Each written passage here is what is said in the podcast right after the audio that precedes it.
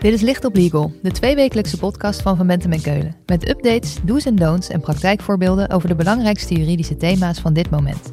Pragmatisch vertaald naar de impact op jouw organisatie. Gebracht door onze eigen experts.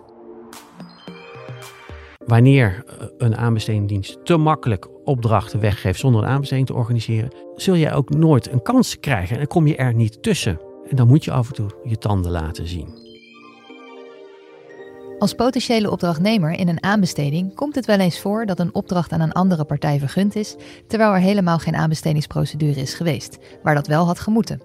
Of je besluit om niet mee te doen aan een inschrijving omdat je de voorwaarden niet aantrekkelijk vindt.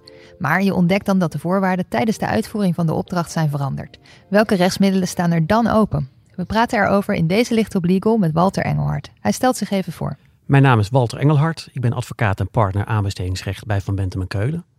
Walter wordt regelmatig benaderd door bedrijven die vinden dat ze onterecht niet hebben kunnen meedingen naar een opdracht en is dus de go-to person als het gaat over rechtsbescherming in relatie tot aanbestedingen. Walter, deze keer hebben we het over rechtsbescherming achteraf, dus niet ten tijde van de aanbestedingsprocedure. We stipten het al kort aan in de inleiding, maar over welke gevallen hebben we het dan? Simpel gezegd hebben we het over de situaties waarin je als opdrachtnemer de boot hebt gemist.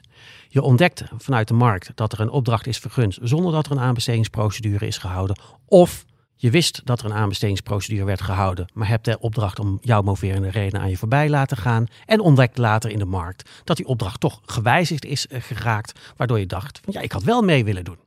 Die eerste kan ik me wel wat bij voorstellen. Er was een opdracht die had moeten worden aanbesteed, maar dat is niet gebeurd. Maar wat moet ik me voorstellen bij die tweede? Nou ja, soms helpt het om even hele duidelijke voorbeelden uh, neer te zetten. Stel, er wordt uh, een aanbesteding georganiseerd voor het aanleggen van een N-weg. Uh, maar de opdrachtgever en opdrachtnemer die raken zodanig verwikkeld met elkaar. Die samenwerking loopt zo prima dat de opdrachtgever zegt: Ach, naast die N-weg regel jij ook maar de vertakkingen naar, naar de uh, aangrenzende kernen. Uh, dat is wel zo praktisch. Maar dan ontstaat dus een opdracht die veel groter is geworden dan dat je aanvankelijk had gedacht. En misschien had je die opdracht wel laten liggen, omdat zo'n N-weg alleen, ik noem maar even een, een zijstraat, voor jou niet zo interessant was. Nee, precies. Maar nu die vertakkingen erbij zitten, dus wel interessant. Maar dan heb je de boot dus al gemist. Wat kan je dan doen? Simpel gezegd kun je twee dingen doen. Je kunt zeggen van nou, uh, beste opdrachtgever, je hebt onterecht niet aanbesteed, daardoor leid ik schade. Uh, mag ik die schade vergoed krijgen? Dat is wat ingewikkeld, omdat je um, geen concrete schade hebt. Jouw schade bestaat uit een gemiste kans. Ik wou dit onderwerp voor vandaag even parkeren. Interessanter voor vandaag is de mogelijkheid om zo'n overeenkomst die tot stand is gekomen, een overeenkomst die betekent dat er voor jou een fait accompli is ontstaan, dat je die bij de rechter kunt laten vernietigen. Waardoor dus die overeenkomst na vernietiging niet meer bestaat en die opdrachtgever gedwongen wordt alsnog een aanbestedingsprocedure te organiseren. Oké, dus de rechter kan vernietigen. En wanneer mag dat? Er zijn drie mogelijkheden voor de rechter om de vernietiging in te roepen. Laat ik eerst uitleggen wat niet kan. Het, kan, het is niet zo dat wanneer je hebt meegedaan aan een aanbestedingsprocedure, je die aanbestedingsprocedure hebt verloren, bijvoorbeeld doordat je tweede bent geworden, je misschien zelfs ook een kort geding hebt gevoerd om die, uh, om die uitslag te laten checken bij de rechter, om dan vervolgens nog te zeggen, uh, ik ga naar de rechter om de overeenkomst te doen vernietigen. Nee, die situatie is niet voorzien door de wetgever, want dan zou het, even simpel gezegd, op treiteren uit kunnen draaien. De wetgever heeft gezegd, drie mogelijkheden voor vernietiging. Eén, er is überhaupt geen aanbesteding georganiseerd. Er is gewoon gegund en dat verneem je vanuit de markt. Twee, er is een aanbesteding georganiseerd, maar nog voordat jij de mogelijkheid had om die uitslag te, te laten checken door de rechter, uh, is er gelijk definitief gegund. De zogenoemde Alcatel-termijn, zoals we dat in ons vak noemen, is niet in acht genomen. Of drie, um, en dan hebben we het over um, de aanbesteding van raamovereenkomsten of de aanbesteding door middel van een dynamisch aankoopsysteem. In dat soort procedures uh, moet vaak nog een competitie georganiseerd worden na de aanbesteding. Wanneer die competitie, mini-competitie wordt ook wel gezegd, uh, niet goed wordt uitgevoerd, en er ontstaat daar dus een deelopdracht die niet volgens de regels is vergund, kun je ook naar de rechter gaan om die specifieke opdracht te laten vernietigen. Dus dat zijn drie hele duidelijke mogelijkheden om vernietiging via de rechter in te roepen. Kan ik dan ook tot in de lengte der dagen die vernietiging inroepen? Ik zou bijna zeggen, gelukkig niet, want dat zou de rechtszekerheid niet ten goede komen. Um, knoop in je oren dat eigenlijk zo'n vernietiging binnen zes maanden plaats moet vinden. En in sommige gevallen zelfs binnen 30 dagen. En wanneer is die termijn zes maanden en wanneer 30 dagen? Ik kan je geruststellen, die 30 dagen termijn geldt wanneer jij echt hebt geweten van de situatie dat er een opdracht is vergund. En dat is in twee gevallen wanneer de aanbestedende dienst gewoon een aankondiging heeft gedaan. Dit is de opdracht die ik heb vergeven. Met andere woorden, ik publiceer dat ik een opdracht heb vergeven en laat iedereen daarvan weten, zodat iedereen daar tegenop kan komen. Dan geldt de korte termijn van 30 dagen. Of de aanbestedende dienst heeft uh, de betreffende inschrijvers of gegadigden, ik zou bijna zeggen keurig een brief geschreven om te zeggen, dit heb ik gedaan om mijn moverende reden en dit zijn die redenen. Met andere woorden, vecht het maar aan. Of laat het door de rechter maar toetsen als je het er niet mee eens bent. Dan gelden, eh, als de aanbestedingdienst zo transparant is, dan geldt de verkorte termijn van 30 dagen. En anders heb je zes maanden de tijd om uh, uh, naar de rechter te gaan. En dan ga je netjes binnen die termijn naar de rechter. En dan vraag je, rechter, vernietig dit alsjeblieft. Wat gebeurt er dan? We hebben het over rechtsbescherming. Um, rechtsbescherming die je ook moet inroepen als je echt uh, benadeeld wordt. Maar wat je doet is best wel heftig. Uh, wanneer de rechter meegaat in jouw verzoek en de overeenkomst vernietigt, zegt de rechter dus dat die overeenkomst nooit had mogen ontstaan. De rechtsgrond wordt met terugwerkende kracht vernietigd. Dat betekent dus dat voor zover die overeenkomst al is uitgevoerd, dat die overeenkomst is uitgevoerd zonder rechtstitel, zonder rechtsgrond. En dat leidt er weer toe dat in de verhouding tussen de opdrachtgever en de, de opdrachtnemer ja, verplichtingen tot ongedaanmaking ontstaan. De situatie moet weer gecreëerd worden alsof die opdracht nooit tot stand was gekomen en nooit met de uitvoering was begonnen. Oké, en wat betekent dat concreet in het geval van die weg? Moet die dan afgebroken worden?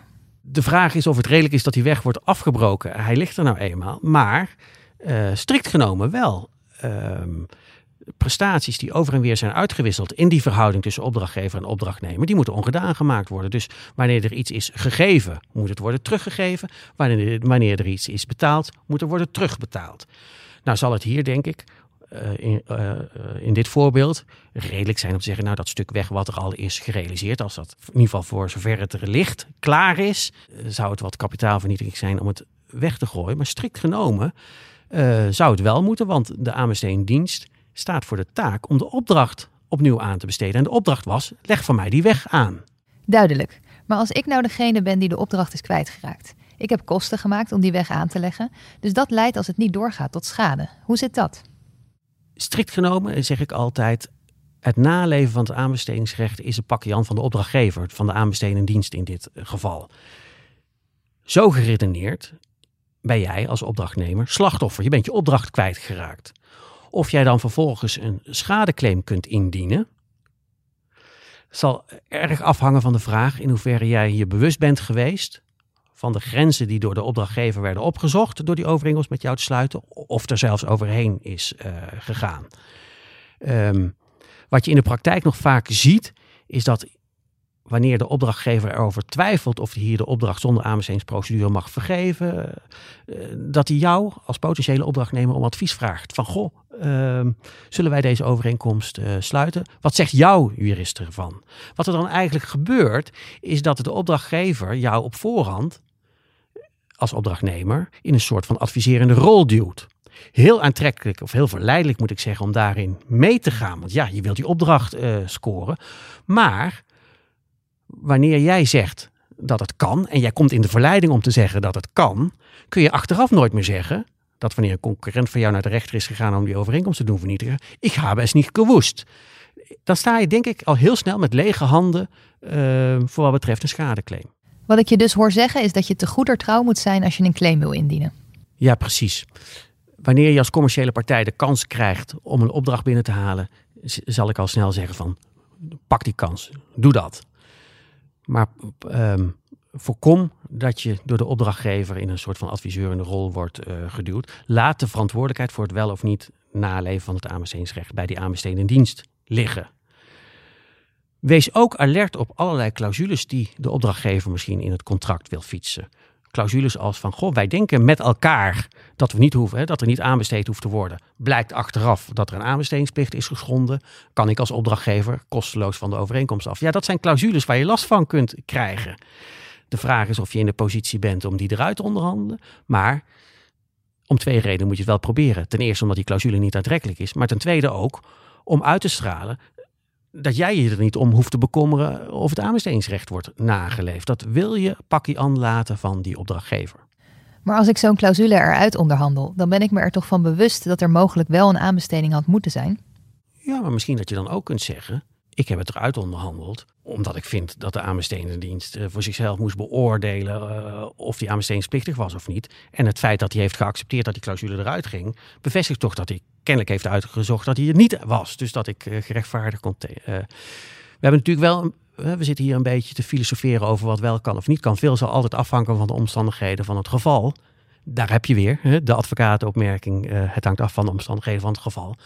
Maar je kunt je ook voorstellen dat de mogelijkheid om een schadeclaim in te dienen ook afhankelijk kan zijn van ben jij nou een grote partij of ben je nou een kleine partij. Als grote partij die bijvoorbeeld dagelijks meedoet aan aanbestedingen, weet je vaak veel beter hoe de zweep klapt dan, uh, dan een kleine uh, partij. We begonnen deze podcast met het perspectief van degene die verhaal komt halen omdat hij de opdracht is misgelopen. Die mag dan dus meedoen aan een nieuwe aanbesteding. Maar wat betekent dat als die weg er al voor 50% ligt? Ja, dan kom ik terug op wat we eerder zeiden. Strikt genomen moet die weg worden afgebroken, want dat past in het kader van die ongedaanmakingsverplichtingen, want die weg is er onverplicht uh, gelegd. Ik denk ook dat vanuit aanbestedingsrechtelijk perspectief de, de opdrachtgever ja, een, een druk moet voelen om weer de volledige opdracht aan te kunnen besteden. Je bent naar de rechter gegaan als rechtzoekende om voor elkaar te krijgen dat de opdracht die in jouw beleving onterecht niet is aanbesteed, alsnog wordt aanbesteed. En wat mij betreft is dat dan die hele weg. En wat zou jij partijen die buiten de boot zijn gevallen nou willen meegeven? Wat ik die partijen zou willen meegeven is, wees alert. Natuurlijk moet je niet zomaar lichtvaardig tegen een potentiële opdrachtgever gaan procederen. Ik bedoel, je moet ook denken aan je naam en je positie in de markt. Maar soms moet je ook je opdrachtgevers, je klanten opvoeden. Wanneer eh, een aanbestedingsdienst te makkelijk opdrachten weggeeft zonder een aanbesteding te organiseren, zul je ook nooit een kans krijgen en dan kom je er niet tussen. En dan moet je af en toe je tanden laten zien. Oké, je moet dus soms je tanden laten zien. Maar waar ik om af te sluiten toch benieuwd naar ben, wanneer weet je nou dat een opdracht vergund is die eigenlijk aanbesteed had moeten worden? Dat is eigenlijk wel een goed punt wat je hier uh, opwerpt. We hebben inderdaad telkens gesproken vanuit de, de, situatie dat je uit de markt hebt vernomen dat er een opdracht is vergeven waar je eigenlijk naar mee had willen uh, dingen. Soms weet je dat niet of krijg je er niet je vinger achter maar heb je wel een onderbuikgevoel. Wat dan een mogelijkheid is, en dat is een middel wat in de praktijk nu steeds vaker wordt ingezet, is dat je bijvoorbeeld bij de opdrachtgever, die vaak ook een bestuursorgaan is, een WOP-verzoek indient. Dus dat je zegt, mag ik alle informatie uh, hebben die betrekking heeft op project X, en dat is dan het project uh, waar, waar je in geïnteresseerd bent, om te ontdekken ja, of daar misschien dan toch een aanbestedingsplichtige opdracht verscholen uh, zit, waar je niet naar mee hebt kunnen dingen.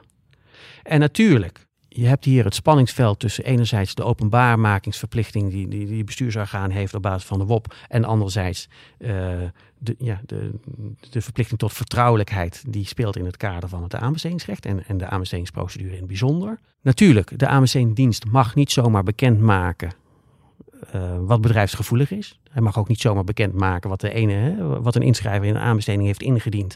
Uh, want dan zou jij eh, de wet openbaarheid van bestuur kunnen gebruiken om commerciële informatie van je concurrent boven tafel te krijgen. Maar alles wat niet concurrentiegevoelig is of wat niet in het kader van een aanbestedingsprocedure is verstrekt, dat moet in beginsel gewoon openbaar gemaakt worden. En dat betekent dus als je bijvoorbeeld SEC geïnteresseerd bent in een overeenkomst, dat je grote delen van die overeenkomst gewoon moet krijgen. Misschien dat de prijs weggelakt mag worden, of misschien dat een bepaalde garantieconditie weggelakt mag worden. Maar bijvoorbeeld de omschrijving van de opdracht, ik kan me al niet zo goed voorstellen wanneer dat nou echt uh, geheim zou moeten blijven, op basis van uh, de regelgeving die ik net noemde. En als we dan weer teruggrijpen naar dat voorbeeld van die weg die wordt uitgebreid met allerlei zijvertakking. Ja, daar kun, zou je dus in die overeenkomst kunnen lezen. hey, het ging om, om een weg, maar ik zie nu dat er ook allerlei zijwegen uh, werden opgedragen. Als je dat met een WOP-verzoek boven tafel hebt gekregen, heb je daar dus een handvat om zo'n vernietigingsprocedure uh, te starten waar we het net over hebben gehad. Walter, dankjewel. Als we meer willen weten, waar kunnen we dan terecht? Je mag me bellen of je mag me mailen. Mijn e-mailadres is walterengelhart.vbk.nl. Dit was Licht op Legal, een podcast van Van Bentem en Keulen. Te beluisteren via Spotify, Apple Podcasts of je eigen favoriete podcast-app. Wil je meer weten? Heb je suggesties voor een onderwerp? Of wil je dat onze experts hun licht laten schijnen op jouw juridisch vraagstuk? Laat het ons weten via vbk.nl/slash lichtoplegal.